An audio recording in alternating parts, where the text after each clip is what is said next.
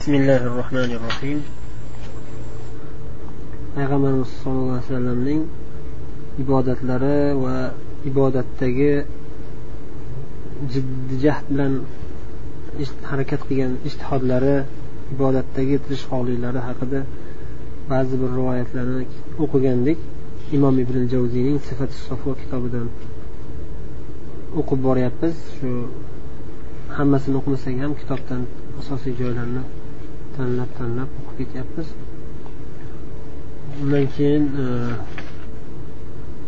payg'ambarimizni qanday mm, oddiy hayot kechirganliklari qo'l ostilarida ko'p moli dunyo bo'lsa ham faqirlarga miskinlarga tarqatib yuborilib o'zlari qiyinchilik hayotni afzal ko'rganliklari haqida ba'zi bir rivoyatlarni eslab o'qib o'tgandek.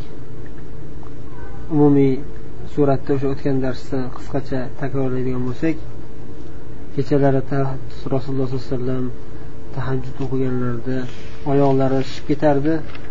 Uzoq tik turib uzoq sura suralarni xatm zam suralarni juda uzun o'qiganliklaridan hatto oyoqlari shishib ketardi. Bir rakatda besh olti pora o'qirdilar hatto. Ibn abbos roziyallohu anhu rivoyat qilgan hadisda kelganidek birinchi shu birinchi rakatni o'zida tahajjud namozida payg'ambarimiz sollallohu alayhi vasallam baqara surasini niso surasini olimro surasini o'qib uchta surani o'qib keyin ruku qilganliklarini rivoyat qilgandilar. Keyin tahajjud o'qiganlarida rasululloh sollallohu alayhi vasallam sekin oyatlarning ma'nolariga e'tibor berib o'qishliklari aytilgan. Alloh taoloning mo'jizalari zikr qilingan oyatlar kelganda subhanalloh subhanalloh azim deb allohga tasbeh aytardilar. Mo'jiza oyatlarni o'qiganda tahajjudda. Agar allohning fazli karami haqida kelgan oyatlar bo'lsa allohdan tilaklarini tilardilar. Agar do'zax haqida allohning azob uqubatlari haqida oyatlar kelsa allohdan panoh so'rab o'tardilar. Tahajjudda shu o'qiyotganlarida namoz o'qiyotganlarida. Keyin ruku qilganlarida ham rukulari juda uzun bo'lardi rukuda uzun uzoq muddat qolib ketardilar alloh taologa subhana robbiyal azim subhana robbiyal azim deb uzoq muddat turadilar سبوح قدوس رب الملائكة والروح سبحان ذي الجبروت والملكوت والكبرياء والعظمة degan duolar rivoyat qilingan sajda qilganlarida ham sajdalarda ham uzoq muddat davom etib duolar o'qib subhana robbiyal ala subhana robbiyal ala deb keyin alloh taologa istig'forlar aytib duolar qilib uzoq muddat turardilar sajdada ham. Umumiy tahajjud eh, o'qishlari o'n bir rakat bo'lardi. Eng ko'p o'qiganlarida o'n uch rakat o'qirdilar. Oysha onamiz aytganlaridek o'n bir rakat o'qirdilar deb aytardilar. o'n bir rakatdan ko'p o'qimasdilar ba'zida to'qqiz rakat mm, ba'zida to'qqiz rakat o'qidilar ba'zida o'n bir rakat. Keyin boshqa ba'zi bir rivoyatlarda o'n uch rakat ham kelgan.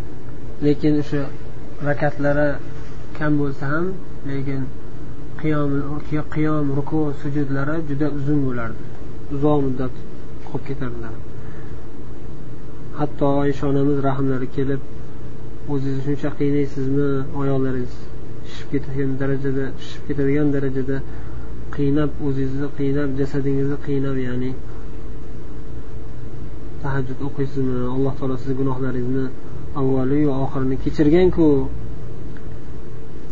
deb rahmlar kelib aytsalar payg'ambar sallallohu alayhi vasallam ey oysha axir men alloh taoloning ne'matlariga shuncha bergan ne'matlariga ikromlariga shukronalar aytadigan banda bo'lmaymanmi? derdilar. Alloh taolo demak shunchalik ne'matlar berib ikrom qilgan ekan mana. Endi men bunga tashakkurlar aytib butun umr ibodat qilsam ham arziydiku degan ma'noda. Hayotlarini ham aytganimizdek juda oddiy bir kambag'allar hayotidek hayot kechirganlar. Uch kun ketma ket biror marta qorinlari to'ymagan ba'zida bir oy ikki oygacha suv bilan xurmodan boshqa hech narsalar bo'lmasdi uyda. Faqat suv bilan xurmo bilan ovqatlanib o'tishardi. Annaqiy degan toza undan pishirilgan nonni hayotlarida ko'rmagan ekanlar. Qorinlari qattiq ochib ketganda ba'zida tosh bog'lab olishardi. Payg'ambarimiz ham boshqa sahobalar ham handaq g'azotida va boshqa ahvollarda ham qorinlari juda ham qattiq ochib ketardi ovqat topisholmasdi. Shunda qorin ochligini bosish uchun qorin og'rig'ini bosish uchun shu tosh bog'lab olishardi qattiq ochlikdan. Biror bir narsadan ikkita jup jup qilmagan ekanlar. Ikkita jup ya'ni ko'ylaklar bo'lmagan jup to'nlari bo'lmagan ikkita oyoq kiyim bo'lmagan. Faqat doimo o'zlariga yetadigan bir dona kiyim bir dona cho'pon bitta shu e, bilan yurardilar. Va hech qachon bo'sh bekorchi holatda ko'rilmasdi. Payg'ambar sallallohu alayhi vasallam doimo xizmatda edilar. Yo alloh taoloning xizmatida alloh taologa ibodatda yoki miskinlarga beva bechoralarga yordam bergan holatda topilardilar uylarida bo'lsalar uylarida hatto oilalariga yordam bergan holatda bo'lardilar. Fotima roziyallohu anhu bir kun imkoniyatlar topilib non pishirdilar. Non pishirib yemoqchi bo'lganlarida otalarini eslab otam och o'tirgan bo'lsalar kerak deb o'sha nonlarni payg'ambarimiz sallallohu alayhi vasallam oldilariga olib keldilar. Shunda payg'ambar so'radilar nima bu non? deganlarida shu bu o'zim pishirgan non ey rasululloh ey otajon men o'zim yegim kelmadi sizni oldingizga olib keldim sizni esladim siz yeganingiz men yeganim deb otalariga taqdim qildilar. Shunda rasululloh sallallohu alayhi vasallam aytdilarki haqiqatdan ham seni otangni qorniga uch kundan beri eng birinchi bo'lib kirayotgan taom mana shudir dedilar. Ya'ni shu darajada oddiy holatda yashashgan. Ba'zida alloh taoloning ne'matlari kelardi to'kin sochinlik bilan. Lekin shunda ham payg'ambar sallallohu alayhi vasallam berilib ketmasdilar. Ba'zida shu pishirilgan go'shtdan bo'lsa yerdilar bo'lmasam ochlik bo'lsa sabr qilardilar. Endi yangi darsimizga o'tamiz. Muallif rahimaulloh aytyaptilarki zikru fasohatihi sollallohu alayhi vasallam. Payg'ambarimiz sollallohu alayhi vasallamning juda ham balog'at bilan kuchli lug'atda gapirishliklarining zikri deyaptilar. Muallif rahimaulloh aytyaptilar كان رسول الله صلى الله عليه وسلم أفصح العرب. عرب لرني جدا إن فصاحت ليس تلر إن تزع تلد تزع عرب تلد جابر ديان كش رسول الله إدلر ويانا أيتد رسول الله صلى الله عليه وسلم أدلر أيتدلر كي إن الله عز وجل أدبني فأحسن تأديبي فأحسن أدبي ونشأت في بني سعد. Albatta alloh taolo mani o'zi tarbiyalab qo'ydiki shunday tarbiyamni bir go'zal holatda qildi. Odobimning odoblar odobimni juda chiroyli qildi. Odob axloqimni dedilar. Bani sad. Bani sad ya'ni bani sad qabilasida o'sdim ya'ni sahroda o'sdim. Sahrodagilar o'sha paytda toza arab tilida gapirishardi. Shuning uchun payg'ambarimiz sallallohu alayhi vasallam tillari ham fasohatni fasih juda ham fasohatli bo'lib tillari chiqqan. Bu bir sabab. Ikkinchi sabab qola buistu bi kalim.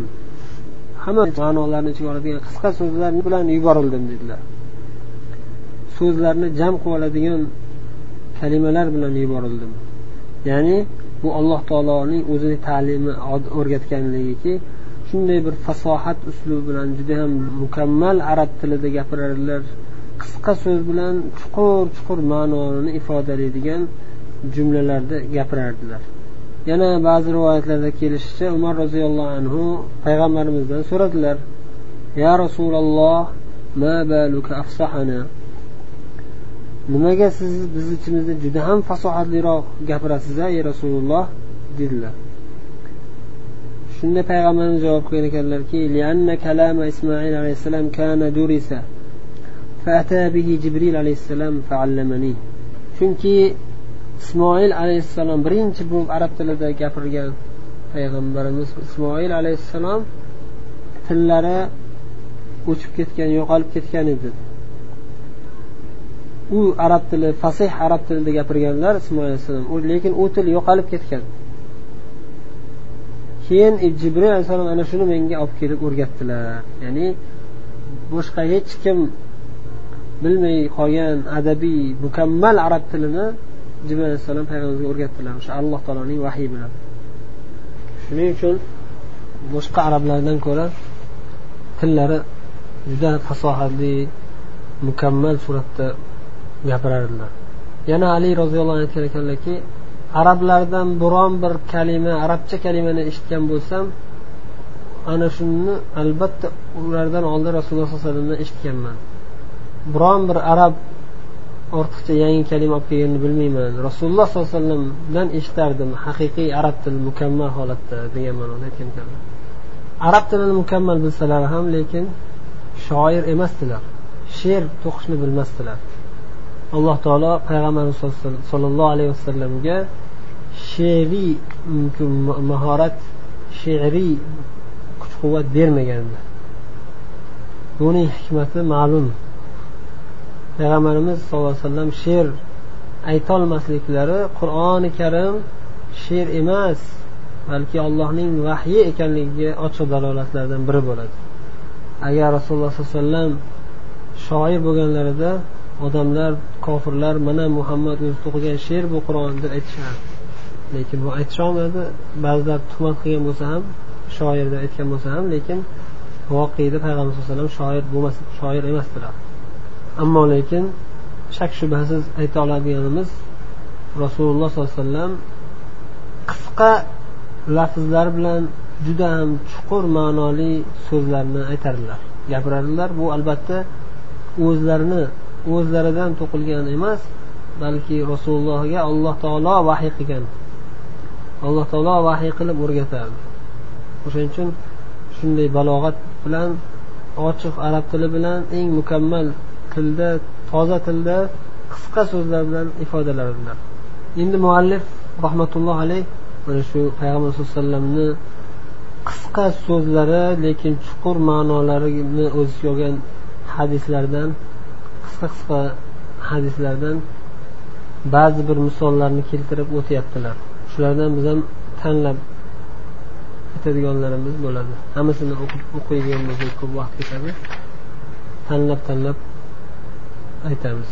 Iyakum va diman dimandan e, ehtiyot bo'linglar uzoq bo'linglar degan ekanlar. Hadro diman hadro diman nima degani ey rasululloh?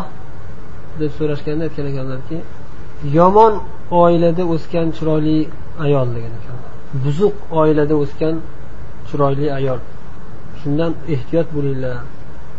Bu juda katta fitna degan ekanlar. Alloh o'zi asrasin. Rasululloh sollallohu alayhi vasallamning juda ham chuqur ma'noli ko'p hikmatlarni o'z ichiga olgan qisqa qisqa so'zlariga misollardan yana la yuldag'ul mu'minu min juhrin marratayn degan hadislar. Mo'min kishi bitta teshikdan ikki marta chaqilmaydi. Ikki marta kalta yemaydi bitta joyda. Tushunarlimi? Bu juda haligi bizni o'zbekchaga ham boshqacharoq mm, lafz bilan boshqacha misol bilan e, zarbil masal maqolga aylantirilgan. Ko'r hassasini bir marta yo'qotadi deyishadiyu. Shuni hadisda shundan ko'ra balog'atliroq uslubda rasululloh sollallohu alayhi vasallam aytgan ekanlar. Mo'min kishi bitta teshikdan ikki marta chaqilmaydi. Bir marta chaqadi masalan bir ilon yoki chayon bir teshikdan chiqib bir marta chaqsa bo'ldi o'sha teshikni yo'qotadi. Odam o'sha tarafdan endi xatar kelmaydigan qiladi. Bu bu moddiy misol lekin asosiy dalolat qiladigan ma'naviy jihatlarga yoki umumiy hayot tajribasiga. Hayotda umuman kallasi yaxshilaydigan aqlli mo'min mo'min odam aqlini ishlatadi mo'min odam zukko bo'ladi. Bir marta bitta xatoga tushdimi bitta xato bitta ishda xato bo'lib qoldimi bo'ldi o'sha tajriba yetadi. Qaytadan yana o'sha xato takrorlanavermaydi. Boshqa bir odam xato qilsa o'sha odamni xatosini ko'rib ham ibrat oladi. Bu qayta o'sha boshqa odam tushgan chuqurga qayta borib tushmaslik uchun.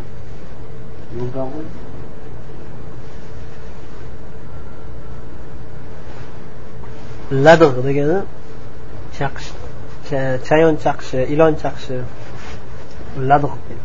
Ladg'atul aqrab. Demak mo'min kishi bitta masalada ikki martalab xato qilmaydi. E bu hadisni ma'nosi juda chuqur bitta hayotdan misol keltirsak e, haqiqatda rasululloh sallallohu alayhi kalim gapirganlar bitta ikkita gap kalima aytadilar lekin ichida minglab minglab hikmatlar bo'ladi. O'shanga misol tariqasida aytiladi. Mana ahli sunna va jamoa mazhabida zolim podshohga bo'lsa ham qarshi qurol ko'tarib chiqmaslik kerak. Rasululloh sollallohu alayhi vasallam shunday amir shunday rahbarlar keladi.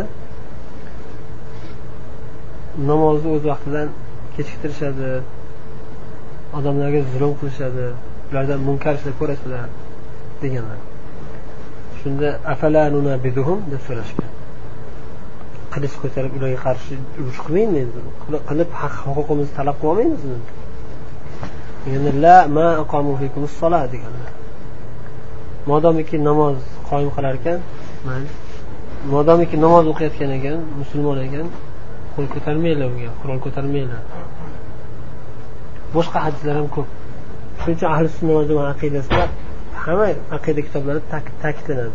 Zolim podshoh bo'lsa ham unga qarshi qilich ko'tarmaymiz. Nasihat qilinadi amri ma'ruf qilinadi nahiy munkar qilinadi. Bu soqit bo'lmaydi. Amri ma'ruf nahiy munkar islomni oltinchi rukni deyishadi hatto ulamolar. Amri ma'ruf nahiy munkar bu alohida masala. Xususan ulamolarga. Hammaga ham emas ko'chaga chiqib turib unaqa ekan bunaqa ekan gapirish emas ulamolarga vazifa buyuk katta og'ir mas'uliyat. Chunki ulamoni gapi din hisoblanadi odamlar olim aytdi desa to'g'ri o'sha din ekan deb qabul qiladi. Din deb qabul qilgandan keyin to'g'ri aytgan bo'lsa alhamdulillah. Noto'g'ri aytgan bo'lsa minglab odamlar adashib ketadi. Million millionlab odamlar adashtirib shunaqa olimlar chiqyaptiku. Payg'ambar aytganlar qiyomatdan oldin shunaqa olimlar chiqadi. O'zi ham adashgan boshqalarni ham adashtiradi. O'shalardan qo'rqaman eng qattiq qo'rqadigan narsam o'sha adashtiradigan ulamolardan deganlar. Ulamolar vazifasi qattiq. Shuning uchun zolim podshoni oldida gapiriladigan haq so'z kalimatu haqqin inda sultonin jair eng katta jihod deyilgan eng afzal jihod deyilgan. Amri ma'ruf nahiy munkar bu alohida masala. Lekin qurol ko'tarib chiqish bu noto'g'ri. Shuning uchun qayta qayta takrorlansa ham mo'min mukammal mo'min bo'lmagan odamlar shu teshuvdan qayta qayta chaqilaveradi bitta xato qilingandan keyin ko'z ochish kerak ko'z ochilishi kerak. Tarixda zolim hokimlarga qarshi qurol ko'tarib chiqilgan harakatlarga qarasangiz hammasini zarari foydasidan ko'p bo'lgan foydasidan ko'ra zarari ko'p bo'lgan. Usmon roziyallohu anhu davrlaridan boshlab hozirgacha. Qaysi bir harakatga qarasangiz zolim hokimga qarshi qurol ko'tarilib chiqqan holatlarga qarasangiz hammasini e, foydasidan ko'ra zarari ko'p bo'lgan. Hatto abbosiylar davlati. Ya'ni masalan qolgan harakatlar davlatni yiqitolmasdan yo'qolib ketgan lekin abbosiylar davlatni yiqitgan yo'qotib boshqa yangi xilofat qurgan abbosiylar.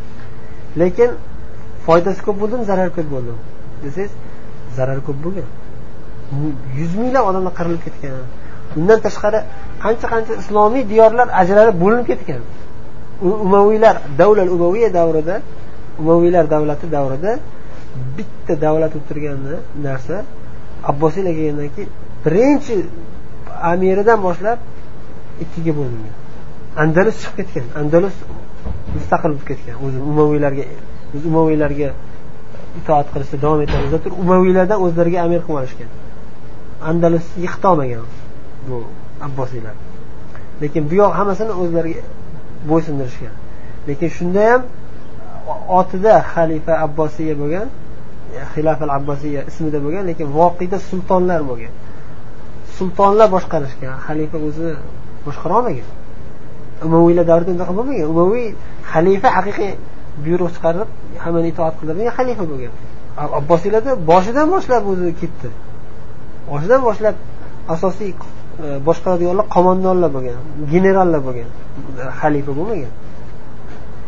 Hatto kofir zolim zolim podshoh kofir bo'lsa ham agar kuch quvvatimiz yetmaydigan bo'lsa qurol ko'tarib chiqishdan qaytargan. Payg'ambarimiz sallallohu alayhi vasallam makkada o'n uch yil qurol ko'tarmadilar. E, faqat nasihat faqat nasihat qilardilar da'vat qilardilar. Jihod farz bo'lishi uchun takafu deyiladi. Takafu bo'lishi kerak. Dushman bilan musulmonlarni kuch quvvati o'rtasida juda katta farq bo'lsa jihod shart bo'lmaydi.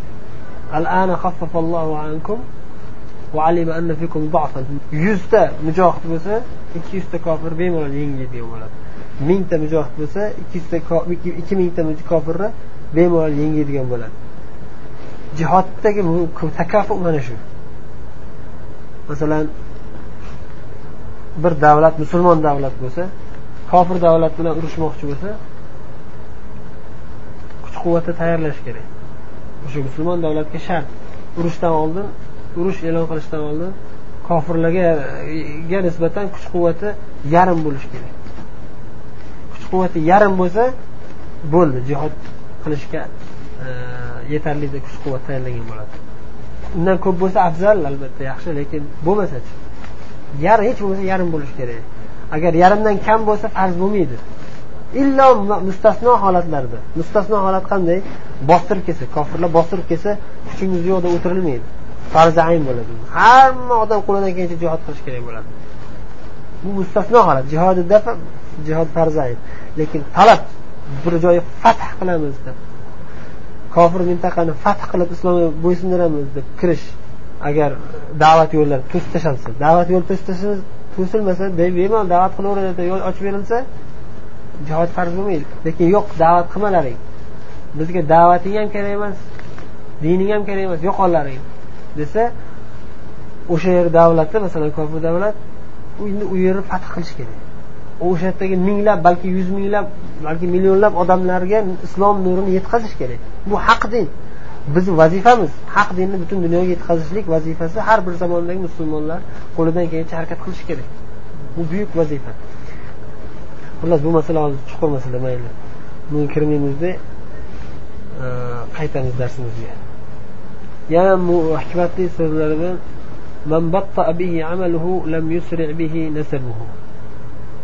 kimniki amali kechiktirsa ya'ni yaxshi amal qilmasa uning nasabi tezlashtirmaydi.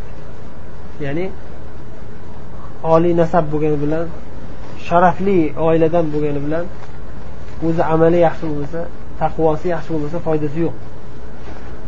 Oxiratda foyda bermaydi. Man payg'ambar avlodiman desa ham oxiratda payg'ambar aytadilarki alloh taolo oldida senga hech qanday foyda yetkazolmayman alloh taolo huzurida bu palonchini o'g'li pistonchini ukasi buni nabirasi buni avlodi degan gap ketmaydi alloh taolo huzurida akramakum indallohi qur'onda aytilgandek ollohni huzurida sizlarni ichingizda eng ulug'ingiz eng taqvoli taqvoli bo'lganingizdir. Shuning uchun payg'ambarimizdek buyuk zot eng ulug' inson bo'lib turib haligi aytganimizdek o'tgan darsimizni mavzusi o'sha payg'ambar ibodatlari qanchalik ko'p ibodat qilardilar tahajjudlarda oyoqlari shishib ketguncha turib tahajjud o'qidilar eng ulug' inson bo'lsalar lekin eng ko'p amal qiladigan va allohdan eng katta qo'rqadigan eng kuchli taqvoli bo'lganlar. Aytganlaridek men sizlarni ichingizda alloh taolodan eng qattiq qo'rqadiganrog'inglarman alloh taologa eng qattiq ko'p taqvo qiladiganinglarman deganlar. Bu maqtanish jihatidan emas ummatni e, g'uluvga ketib qolishdan bir tarafdan g'uluvga ketib qolishdan qaytarganlar chuqur ketib qolishdan dinda ikkinchi tarafdan dangasalikdan qaytarganlar. Dangasalik beparvolik dindan uzoqlashib ketishdan qaytarganlar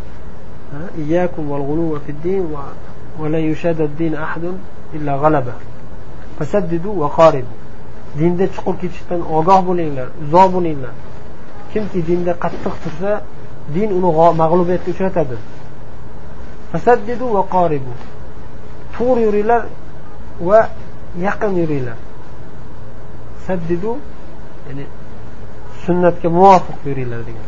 Va qoribu hech bo'lmasa o'sha sunnatga yaqinroq bo'lib yuringlar. Payg'ambarimizni sunnatlariga ya'ni ba'zi odamlar to'la amal qilolmaydi payg'ambar siyratlariga sunnatlariga. Lekin harakat qilsa inshaalloh u ham ajrdan xoli emas. Qo'lidan kelgancha harakat qilsa. Yana bir hadisda annasu kamaadin kamaadini zahabi val fidda degan ekanlar. Odamlar xuddi tilla ko'mishlar koniga o'xshagan kon deb bu ham chuqur ma'noli hadis.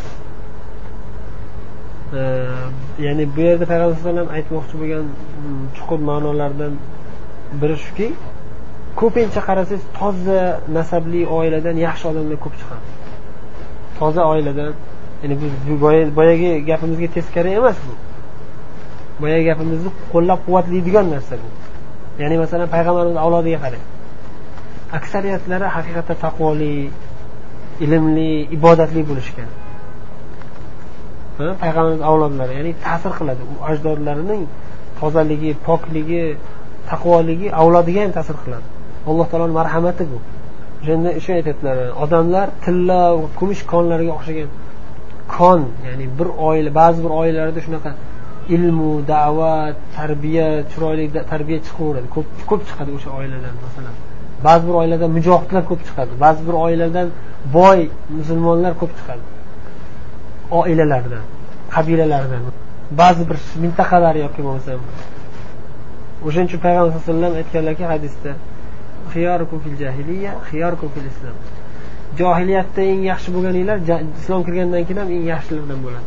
Ya'ni haqiqatda johiliyatda ham masalan abu bakr siddiq johiliyat davrida ham yaxshi inson bo'lganlar saxovatli taqvoli butga sig'inmagan islomda ham eng buyuk insonlardan bo'lganlar masalan umar roziyallohu anhu johiliyatda ham shajoatli bo'lganlar islomda ham shajoatli bo'lganlar johiliyatda shajoatli qattiqqo'l bo'lganliklari zulm tug'yon bilan emas balki bir narsani to'g'ri aqlga muvofiq o'sha narsa masalan mana shu odam mazlum desalar o'sha odam himoya qilish uchun narigi odamga qattiq tegadilar masalan.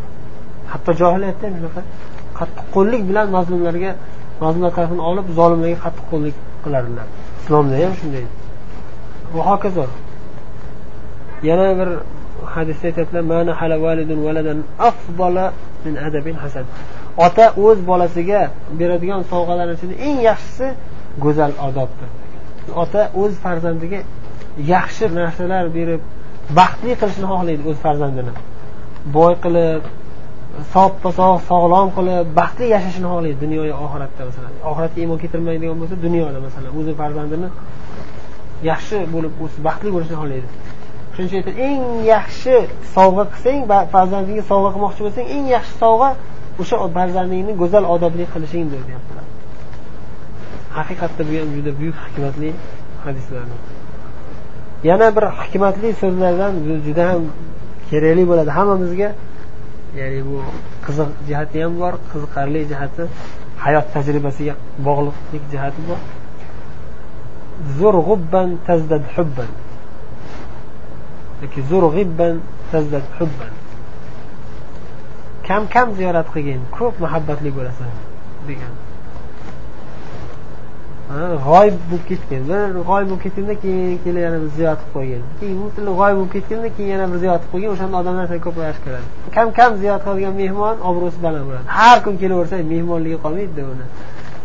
Ey bezor qilib yubordingiz odamlar devoriy deydi hadis debdilar bu yerda ahrajahul hakim imom hokim rivoyat qilgan ekanlar bu mani eshitishim bo'yicha oysha roziyallohu anhu so'zlari edi. Hadis emas edi bu oysha onamizni so'zlari edi allohu alam.